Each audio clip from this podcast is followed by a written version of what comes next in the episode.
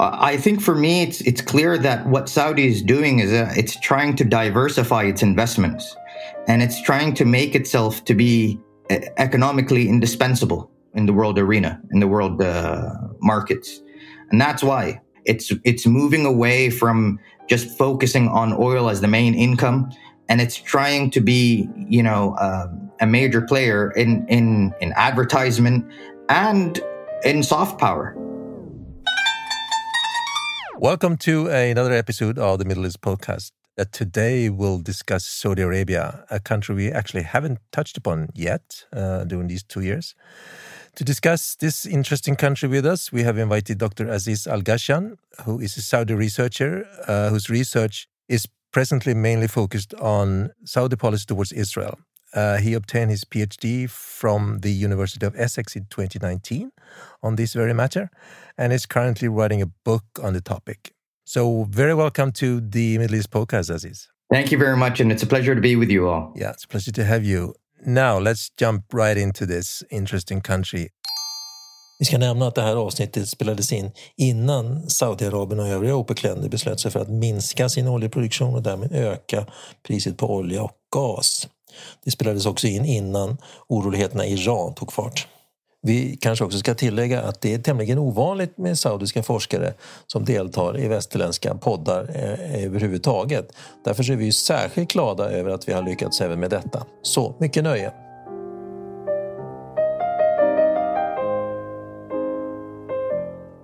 A while ago, we had a podcast guest who said that giving women the right to drive was mainly an economic decision.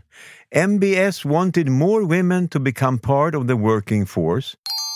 MBS står alltså för Mohammed bin Salman och han är Saudiarabiens kronprins. And he also hoped to get rid of foreign drivers and those get more Saudis into the workforce. Do you agree with this analysis? Well, uh, I actually wrote that uh, I wrote, well, maybe not the same thing that you're looking at, but I actually wrote a piece on that in 2018. As soon as that happened, mm-hmm. yes, I do. I do agree to, to that analysis. It was something that was motivated really by the desire and the need of the Saudi economy and the new trajectory of the Saudi economy. You know, the Saudi economy uh, it, it, requires as many Saudis to participate. Mm-hmm. Uh, but there's a lot of issues and obstacles on the, along that way. And one of them was transportation and, lo- and logistics. And I think as a Saudi Arabian myself, you know, while I was probably a Saudi brought up in the United States and, and then lived in the United Kingdom, I remember being in Saudi and I remember being how vivid women found this as an, as an obstacle. Uh, of just not going to work, not not studying, not uh, not being able to to travel within the city because of um, you know this issue. So uh, indeed, it the women driving aspect is very harmonious with where the the, the direction of uh, of the country is going economically. And would you say there is a driving force here in you know trying to get rid of foreigners working in Saudi Arabia, trying to push them out of the country? Uh, well, the, the, I think if anybody l- listened to the um, early days of the current administration in Saudi Arabia, they would realize that you know there are nationalism or uh, nationalistic elements that there are measures trying to nationalize the workforce, and for a very long time, actually, many Saudis have complained that uh, well people are taking our jobs and people are are doing this and doing that and take basically taking our jobs um, and, and, so uh, this measure is very organic in many ways and i think that's what makes the crown prince very popular mm. was that he kind of uh, seemed to have listened or to actually take policies or make policies that uh, many of the people wanted to see anyway. And and so that's uh, indeed there's the driving force. Mm-hmm.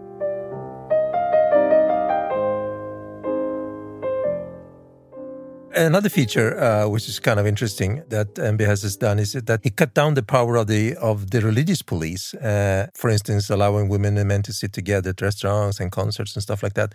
Open up the country, film festivals, even operas, and even professional boxing, as I recall and and really giving the impression that he is sincerely trying to make the country, um, you know, more liberal and modern. And at the same time, though, he's pretty tough on the opposition. And, you know, if you say something bad on, on Twitter, you can get uh, prison time for that.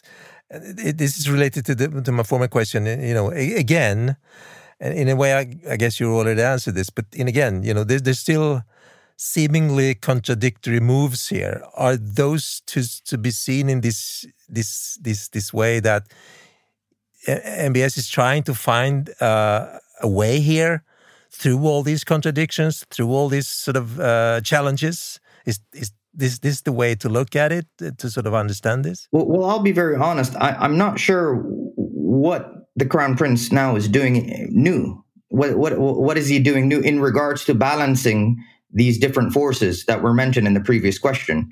That no. the balances, the requirements of the economy, the requirements of the country to attract foreign investment, to attract, you know, uh, at least partnerships, I would say, mm-hmm. and maintaining kind of domestic uh, needs. Right, uh, right. The, the, Saudi ruling elite have always kind of found themselves in the, at the interplay of these things. Mm-hmm. Um, indeed, he he did um, curtail the um, the the religious police or the religious presence, and and that goes speaks to the direction, uh, the economic direction, that there had to be mm-hmm. social liberation and then there had to be ways of keeping the Saudi money in Saudi Arabia. Right, this is right. this is this is this is one thing that I think needs to be focused on as well. Is that some of the um, rhetoric coming out from uh, the Saudi ruling elite, especially the business-like rhetoric, the economic uh, rhetoric, mm-hmm. um, suggests that um, listen, you know, Saudi money when it comes to tourism is is is just leaving the country. Mm-hmm. All the spending power is being spent outside, and we need to find a way to spend it inside. And hence why the, the social liberation, the the the concerts, etc., are are are uh, the, that's why they, they are there. It's try to attract it and anchor it in. Now, when it comes to the, I would say the the thwarting of any kind of voices, this is a transitional moment in Saudi history, mm. and I think that's why many people claim to be very sensitive and and many think that there there's any kind of voices that are disrupting any kind of uh, the new order that's taking place and and so I I have a particular position in this because I'm someone who likes to focus on the bottom up. I, am someone who likes to see how do people participate in what they think is loyalty and allegiance. Mm. And a lot of the times, these policies, or I would say these uh, actions against people that may seem to be not on the right side, is due to an increase of a very sharp rise in nationalism mm-hmm. that uh, view the world and view the region and view everything really in a very binary way. Mm-hmm. Right. And I think this nationalism kind of exasperated this binary, this polarization. And so you have these people and and and and you have these individuals at times you know trying to silence and censor others mm. by their own work. They think this is what they i have to do as a as a, as a proud saudi national and and so uh, it, it's a very confusing situation here. I mean is it is it is it state backed is it really individuals? Is it nationalism? I just have a follow up on that one. You know in the mid 1970s you also had, you know, a, a situation where Saudi society was opening up. Mm. You know, I, I, mean, before the uh, the uh, the occupation of the Grand Mosque in Mecca, uh, you know, you had uh, women, female presenters on television, you had movie theaters and stuff. That all that sort of died down after the occupation of the Mecca Mosque. It's interesting that this is coming up again now, and and, and to me, uh, you know, as an outsider, now I want to try this on you you know, it shows that, you know, these traits are present in Saudi Arabia as well. If only there is a, a chance for an opening, it's there. You know, it's something that that you can build on. For instance, would you say that, and, and this is such a moment, you know, looking at it from outside, does this make sense? no, it, it, it, you're, you're very right. You know, the notion that Saudis are very, um, that the religious police, I would say, is responsible for all this kind of uh, oppression, uh, mm. for the lack of a better phrase, or for this conservatism, I would say, for a better phrase. Yeah. Uh, for me, I think this is also uh, not complete. Uh, when we look at Saudi society, we actually are talking about Saudi societies. You know, there are many mm-hmm. trends. If you look at, for example, in the west coast of Saudi, you find them d- different than where I'm from, which is kind of the, in the central of Saudi, where, which is very a lot more socially conservative. Mm-hmm. So one of the aspects here is is this just a religious kind of conservatism, or is this a social conservatism that we're watching uh, being thawed in this kind of uh, process now? And you're right that there there have always been th- this aspect of um, you know sometimes there was a there was at times before the 1970s there was a a bit more of a liberation where women had to women went out you know had to be more present there were movies in the uh, sports halls mm-hmm. this is what i remember being told in the sports hall so there wasn't a dedicated cinema that, but women never went there women could never right. go uh-huh. so, so so this idea that it was this kind of social you know if you speak to women I, they probably will agree that it, it wasn't disagree. I'm sorry that it wasn't that liberal. No, um, probably but, not. But you, you, you, see, again, it goes back to the narrative of how we're narrating the story now, mm. and how you know Saudi was what it was like before, and then you know 1979 happened, and then kind of slowly this this is the process that we see. So uh, for me, I, I, I really do think it's a situation where we're watching uh, an ebb of flow mm-hmm. of social forces take place. Right. So one second, the religious kind of aspect kind of increases, and then all of a sudden, you know, it it it starts to gradually decrease. Uh, the social aspects increase, and then all of a sudden, you know, the social aspects decrease. And mm-hmm. and we're watching an ebb of flow of this. And um, really, what I also think currently is really dictating is the economy. Mm-hmm. You know, we're seeing all this social liberalization. We're seeing the decrease of um, uh, I think, religious conservatism politically, I would say, or or their presence um, being driven by the market. Now, mm-hmm. that being said, the religious conservatism, I don't think religion is going to go anywhere soon. Mm-hmm. You know, this notion that religion now is is out the window, and we're talking about it. Listen, it, all these social liberalization measures are blessed within a framework of religion. Mm-hmm. Mm. Saudi cannot move away from religion. That's that's one thing that we have to mention.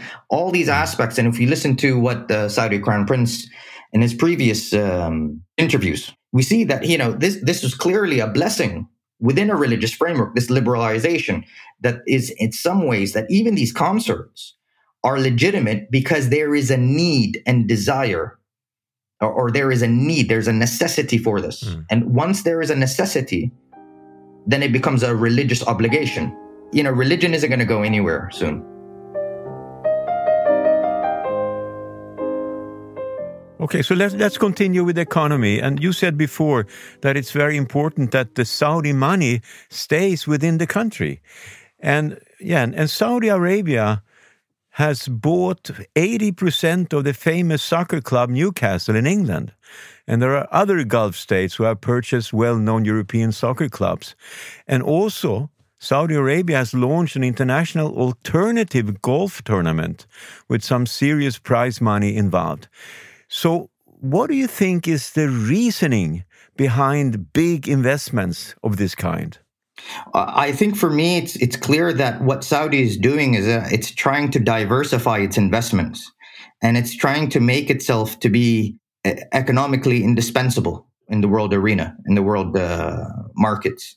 And that's why, you know, it's investment, it's diversifying its investment, it's diversifying its economy. Mm-hmm. It's, it's moving away from just focusing on oil as the main income. And it's trying to be, you know, um, a major player in, in, in advertisement and in soft power and and so that's where that investment is uh, that's the logic behind this investment clearly so, so in other words, what you're saying is this is a way of becoming more accepted, among other things. Well, I, I, I think that's not their their main objective is to be accepted. For me, mm-hmm. I think they're the, the most thing that they're trying to do is um, to be very uh, to, to, be very economically diverse mm-hmm. Mm-hmm. and to to invest and be monetarily uh, diverse. That's that's their main objective. Now, uh, the acceptance is will be a symptom, a result of this. Mm-hmm. Um, I'm, you know, I, I think for a very long time, I think Saudis, when it came to being perceived benevolently in, in, in the the media and Western media, I think it realized it, it has always faced an uphill battle when when it came to that. But they've adapted, mm-hmm. and and they, they, they you know they're not they're they're they're continuing with their policies, and they realize that perception can only be so much of an obstacle. But at, at one point, people will have to deal with Saudi. This is what I think they they believe.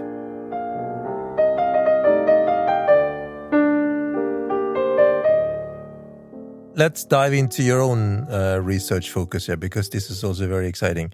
There are, I mean, this, there have been numerous signs over the years uh, that uh, Saudi Arabia and Israel are, you know, getting closer. I mean, Saudis are interviewed in Israeli media and vice versa.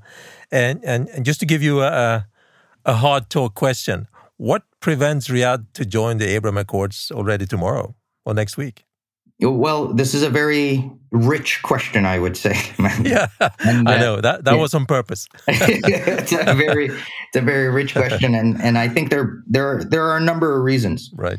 Firstly, these signs, this thawing of relations um, that has taken place uh, in the past couple of years, is very interesting, but should not be considered as steps towards normalization. All right. Now, one of the reasons why people uh, ask this question that, you know, what's stopping it is because the Saudi Israeli relationship has suffered, and I'm talking now as a, as a researcher of this relation, has suffered from an aspect of sensationalization. Right. They have overused the term normalization to the mm-hmm. extent where any it is the new buzzword Yeah, uh, yeah. It, it, and you could see, yeah, exactly. You agree. It is the now yeah, the new buzzword that it's you know are, are, they normalizing? Are they not normalizing? Is there a, even Israeli uh, pundits keep you know saying, well, there's an underground normalization. There's a there's a and, and I don't know what the hell that means.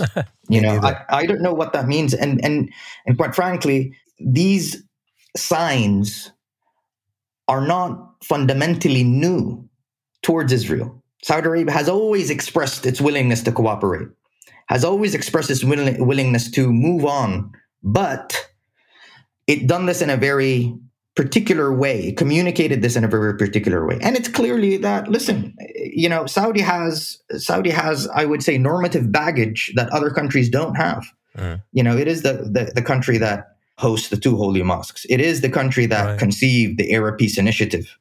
Uh, and so, you know, the UAE or, or Abu Dhabi and Manama are countries that don't have uh, that baggage. And so their their path to normalization is a lot more simpler, I would say. Mm. And I think the other aspect uh, of the Abraham Accords and why they won't join the Abraham Accords is that the Abraham Accords now is if Saudi was to join a, a normalization with Israel, it, it should not be. I don't think it would be under the umbrella of the Abraham Accords because no. I think it is now a UAE legacy.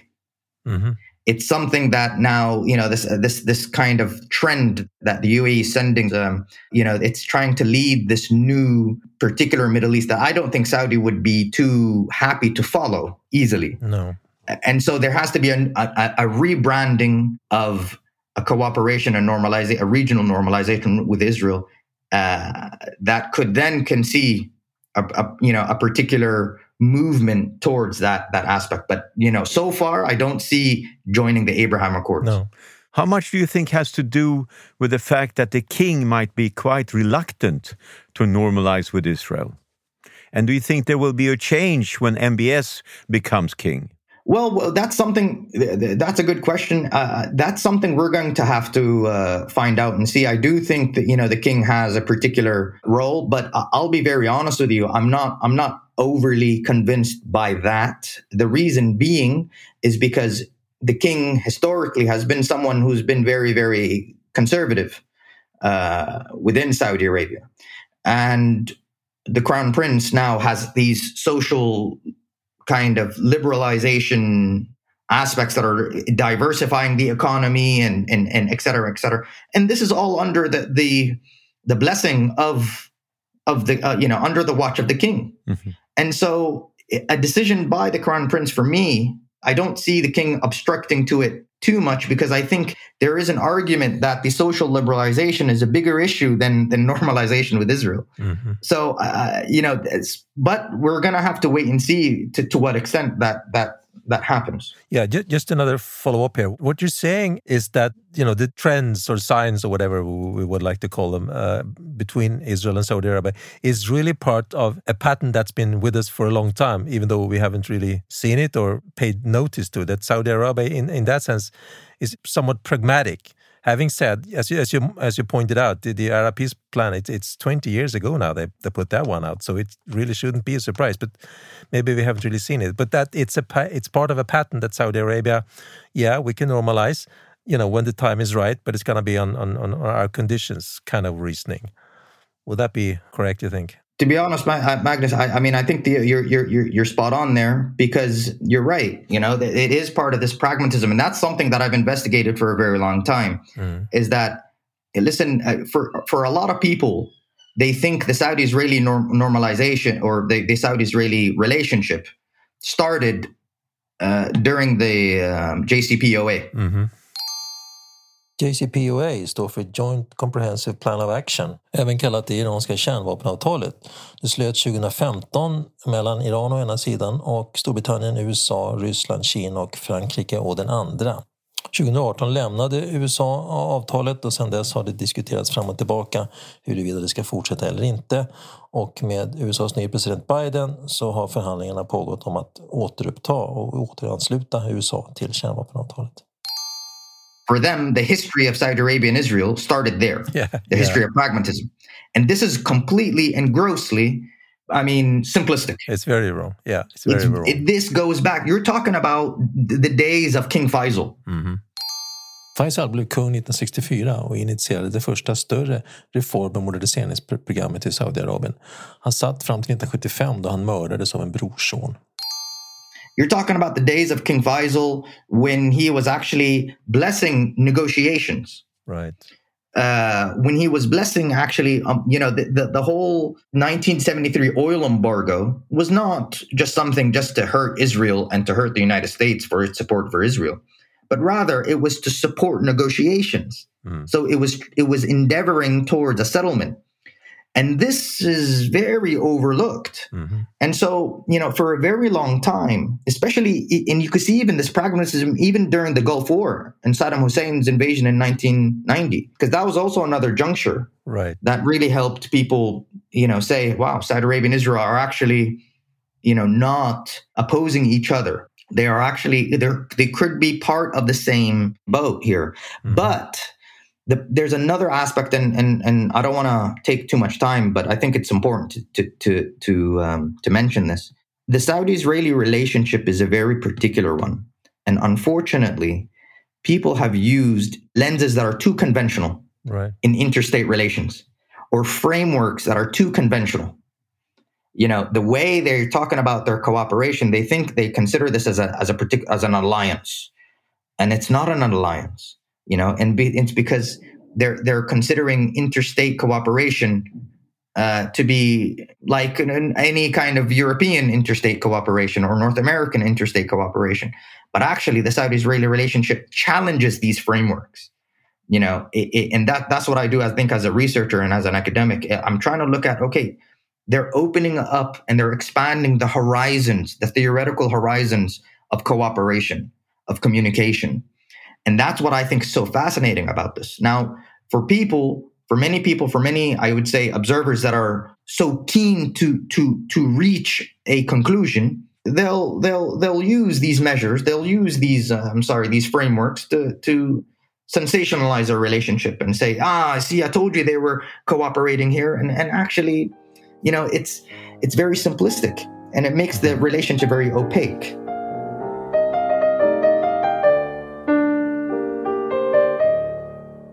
Okay, so let's let's continue with patterns. Recently, Saudi Arabia has become more friendly with a number of former enemies, like Qatar, like Iran, and like Turkey. And during the last year, Riyadh has made investment deals with, among others, Jordan, Egypt, Pakistan, China, United Kingdom, Greece, and India. Can you see a pattern? Do we experience the beginning of a new kind of foreign policy? Well, uh, this is this is a, this is a very interesting um, phase, I would say, that Saudi is going going through here, um, and I think, especially uh, after the the period of uh, its uh, turbulent relations with Qatar, its turbulent relations with uh, Turkey and Iran, I think it realized Saudi Arabia realized the Saudi ruling elite, I'm sorry, realized that listen, uh, antagonism is just not good for anybody, and it's not going to go anywhere. And I think you know if we, if we were to listen to the Crown Prince, he always focused on a thriving region not just a thriving Saudi Arabia, a thriving region. You know, and one of these ways is by trying to integrate people into this kind of um, a prosperous region somehow. So I think right now, rather than having a, a, a zero sum perspective, they're kind of uh, embracing uh, this particular approach of you know a win-win situation. That perhaps you know we can have our disagreements but we could still fundamentally agree on other things and work together on other things.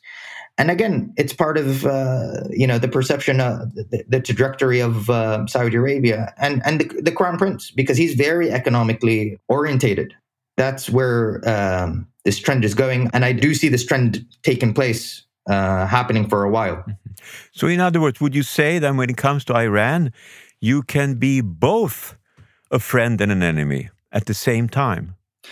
I, I, I like your your question. Uh, it's a very uh, discursive, philosophical question of of being. You could both be at the same time. It, it is. I, I really do appreciate that. But here, I, I think in principle you can, but this doesn't mean that they are equally and uh, uh equal enmity and equal partnership. I think what there will be is kind of listen, the Saudi Iranian suspicion is not going to go anywhere soon. Saudi Arabia knows that Iran is its main security threat in the region. But this does not mean that they can't work together and kind of mitigate that enmity and mitigate that antagonism mm-hmm. through these measures. And so that's what i that's what i want to say. It's that okay yeah you're right. It's it could be an enmity it could be a, a, a security threat and a p- potential potential partner. But i i mean I, I say that word hesitantly potential partner but um you know it, but it's it's an asymmetric uh, not equal kind of dynamic so it's more of a security threat rather than it is a, a, a, a potential partner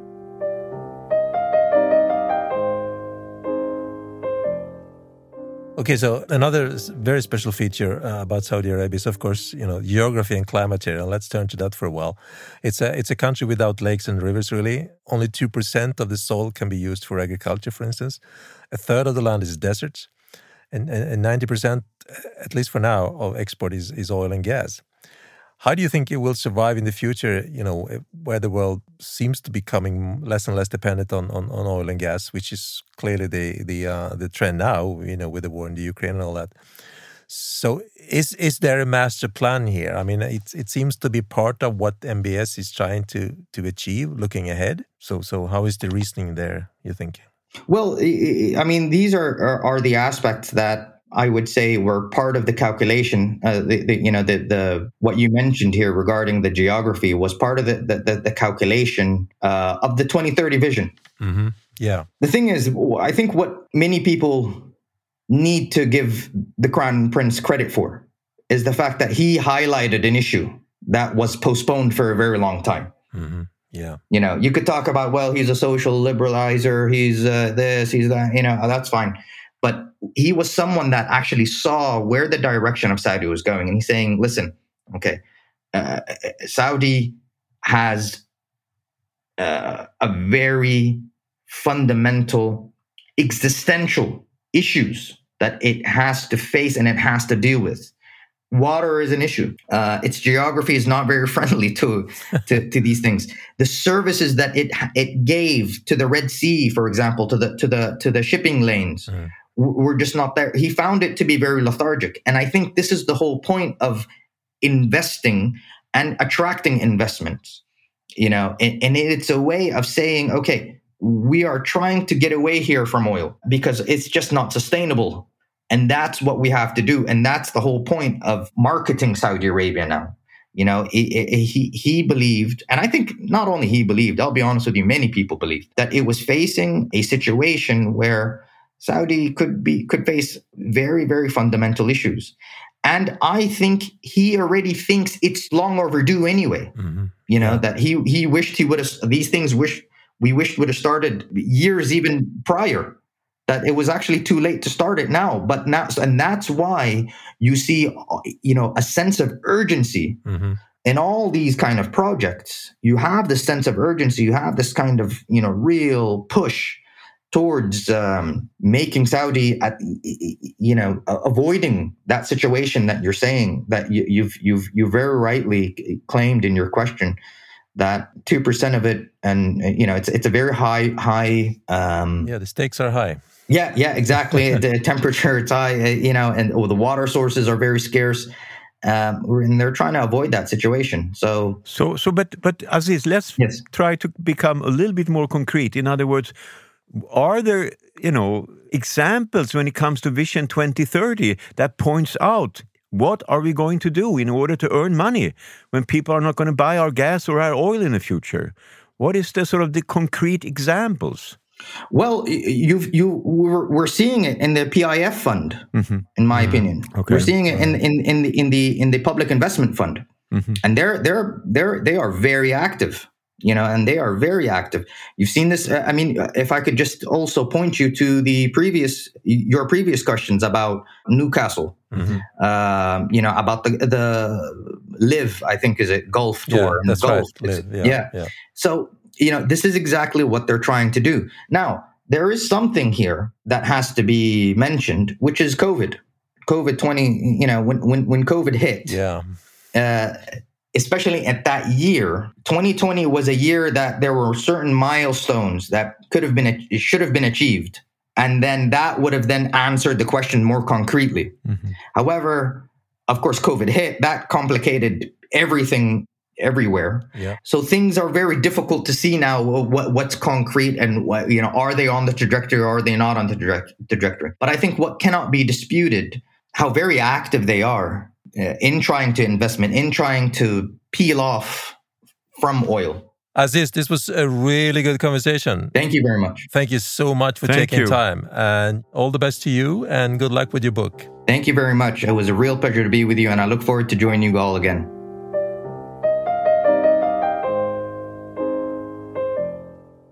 Vi vill passa på att tacka alla våra lyssnare. Eh, responsen på vår vädjan i förra programmet där vi bad om bidrag för att kunna göra en säsong till gav ett fantastiskt gensvar och vi kan nu sätta igång och göra ett, en femte säsong av Mellanösternpodden som naturligtvis kommer att bli lika bra som de fyra tidigare.